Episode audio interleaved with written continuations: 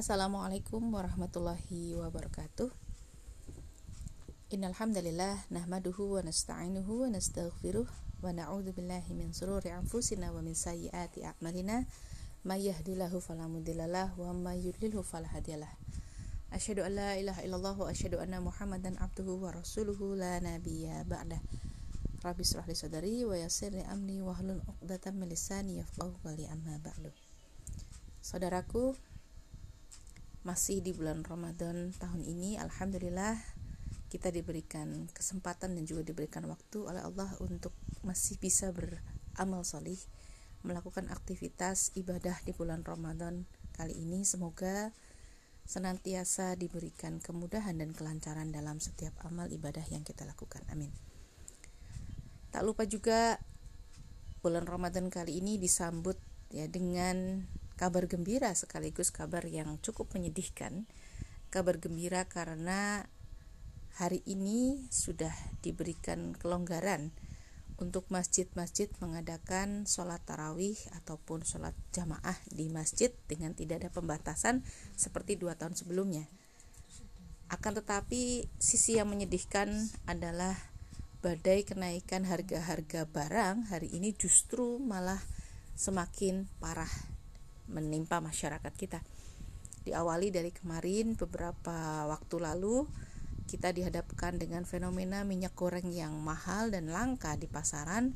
Kali ini barangnya ada akan tetapi e, justru ditambah dengan kenaikan harga-harga barang-barang yang lain baik itu sembako kemudian juga bahkan Pertamax pun BBM pun juga dikabarkan akan e, naik ya termasuk juga gas e, melon Nah, artinya kita hari ini dihadapkan dengan badai pandemi yang berakhir dan juga justru datang badai selanjutnya yaitu badai e, kenaikan harga-harga kebutuhan hidup.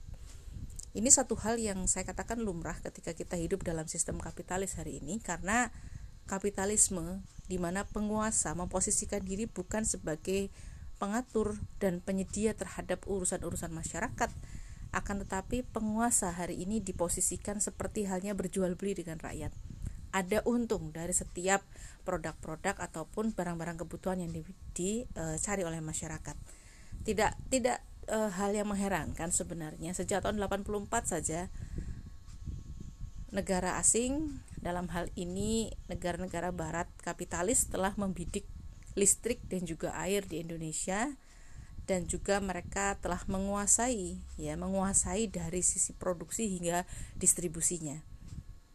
Katakanlah PT Danon pun juga kita tidak lupa itu salah satu yang mungkin sangat e, kentara terlihat. Bagaimana mereka bisa menguasai sumber air yang cukup melimpah hingga akhirnya kita pun harus membeli produk air yang sebenarnya diproduksi di dalam negeri sendiri.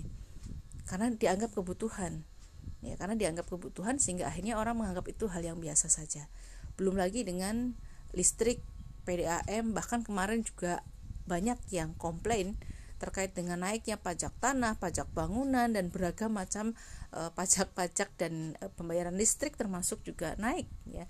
Angka-angka ini kan sesuatu yang tidak diumumkan ke tengah masyarakat akan kenaikan-kenaikannya, akan tapi masyarakat langsung merasakan oke okay lah ya oke okay lah kemarin mungkin eh, peristiwa-peristiwa yang ada hari ini kebijakan-kebijakan penguasa dengan bantuan tunai dan sebagainya itu dianggap sebagai solusi praktis penyelesaian masalah kebutuhan harga yang naik. Bukan itu masalahnya sebenarnya. Masyarakat tuh butuh harga stabil dan mudah dan murah untuk mendapatkannya bukan subsidi Tahu ujung-ujungnya ketika misalkan orang yang mendapatkan subsidi satu juta dari pemerintah yang gajinya di bawah tiga setengah juta ujung-ujungnya nanti uang-uang itu akan dikorupsi lagi. Kembali lagi kepada kantong-kantong orang-orang tertentu. Oh, kekuatan oligarki akhirnya menguat.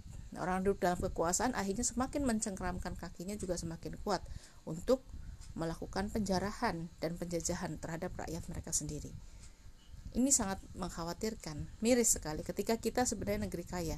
Kita penghasil minyak sawit terbesar di dunia tapi kemarin bahkan sampai hari ini pun kita akhirnya terbiasa dengan harga mahal. Kemarin kita kesulitan mencarinya pun susah.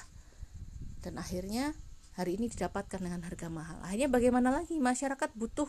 Meskipun ada yang mengatakan apa Indonesia, orang Indonesia itu sukanya menggoreng. Ya sekarang kalau tanpa menggoreng tanpa minyak goreng lalu mau dikemanakan minyak goreng kita akhirnya kita tidak boleh memposisikan wajar ketika uh, harganya mahal enggak ini ada mafianya, ada penjahatnya, ada yang berkonspirasi untuk menjadikan barang yang tadinya mudah dan juga murah untuk didapatkan tiba-tiba menjadi naik.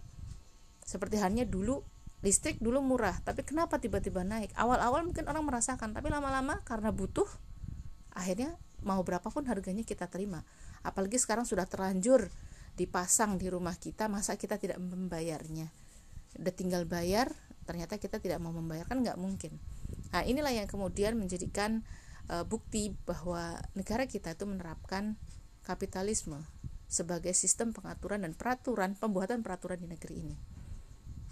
Sehingga di sinilah pentingnya kita untuk mengetahui katanya kita negara berdaulat katanya kita merdeka tapi kita tidak sadar bahwa kita menerapkan aturan-aturan yang ditanamkan oleh penjajah di negeri ini kita menerapkan kapitalisme yang di barat sendiri sebenarnya kapitalisme tidak pernah 100% mampu mensejahterakan masyarakatnya.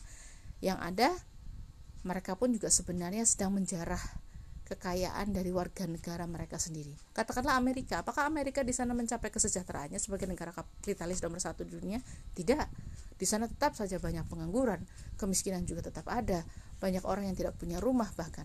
Dan hal seperti ini pun kita alami, artinya problem kompleks dari sistem kapitalisme ketika diterapkan di tengah manusia akan menghasilkan problem yang sangat pelik banyak sekali akhirnya e, terjadi di tengah masyarakat kita. Sehingga di sinilah pentingnya kita sebagai umat Islam berpikir kembali. Allah sudah memberikan petunjuk kepada kita. Sebenarnya Allah sudah memberikan satu pandangan tujuan kita hidup dunia itu untuk beribadah. Ketika kita beribadah, toh kita juga tidak hanya beribadah mahdoh saja. Ada syariat ada hukum-hukum Allah yang mengatur seluruh amal perbuatan kita. Termasuk dalam hal ini pengaturan urusan masyarakat. Sebenarnya pun ada aturannya dalam Islam. Islam mengembalikan kepemilikan. Ada kepemilikan pribadi kepemilikan negara bahkan kepemilikan umum. Nah yang jadi permasalahan hari ini barang-barang yang menjadi ukuran dari barang-barang yang menjadi kepemilikan umum itu telah dikuasai oleh privat inilah yang kemudian menjadikan uh, adanya mafia-mafia di dalam pengelolaan terhadap barang-barang tambang. Masyarakat tidak mendapatkan dan kita harus beli terhadap kebutuhan yang sebenarnya itu merupakan milik umat. Itulah pentingnya kita untuk saling menasehati. Wajib dinasehati penguasa yang senantiasa tidak mendengar dan juga tidak menerapkan aturan Allah. Karena jelas kezaliman itu semakin nyata banyak orang miskin hari ini, angkanya senantiasa bertambah. Banyak juga terjadi kriminalitas karena dorongan ekonomi. Sehingga di sinilah kita bisa katakan umul jaroim, induknya dari kemaksiatan, induknya dari kejahatan itu karena hari ini tidak diterapkannya hukum Allah. Karena hukum Allah tidak diterapkan sehingga banyak muncul permasalahan-permasalahan di dalam kehidupan kita hari ini. Kita tidak bisa menyalahkan sisi personal karena personal itu juga ter ter apa terdidik terbina dengan adanya sistem yang diatur oleh uh, penerapan aturan yang ada kali ini. Sistem ini diterapkan sistem ini diaplikasikan bahkan terus didakwahkan oleh mereka. Sehingga kita hari ini umat Islam pun harus kembali melakukan aktivitas dakwah menyerukan kembali bahwa Islam adalah aturan yang harus diterapkan secara kafah. Jelas Allah sudah berfirman A'udzubillahiminasyaitonirrajim Bismillahirrahmanirrahim Ya ayyuhalladzina amanu dukhulu fis silmi kafah wala tatabi'u khutuwati syaitan innahu lakum aduwwum mubin. Kita diperintah oleh Allah untuk masuk Islam secara kafah, secara sempurna. Jadi kalau kita hari ini sekedar bulan Ramadan menjalankan aktivitas ibadah ritual semata, kurang, belum kafah kita. Ekonomi kita masih pakai ribawi. Masalah sosial kita belum diatur dengan aturan Islam. Pendidikan kita masih pendidikan menginduk kepada negara-negara kafir. Mana Islam kafahnya? Nah, di sinilah pentingnya kita mempelajari, mengkaji dan juga terus mendakwahkan supaya umat Islam seluruhnya kembali sadar bahwa kita tuh harus menerapkan Islam kafah termasuk harus sampai mendakwahkan kepada penguasa kita juga bahwa aturan yang ada hari ini bukanlah aturan yang berasal dari pencipta kita sehingga ketika kita ingin selamat dunia akhirat kita tugas kita untuk sama-sama menyampaikan risalah Islam ke seluruh manusia yang ada di dunia ini. Semoga ini menjadi perenungan untuk kita bahwa masalah yang terjadi hari ini itu merupakan masalah yang timbul karena jauhnya kita dari penerapan Islam secara kafah. Sekian, Assalamualaikum warahmatullahi wabarakatuh.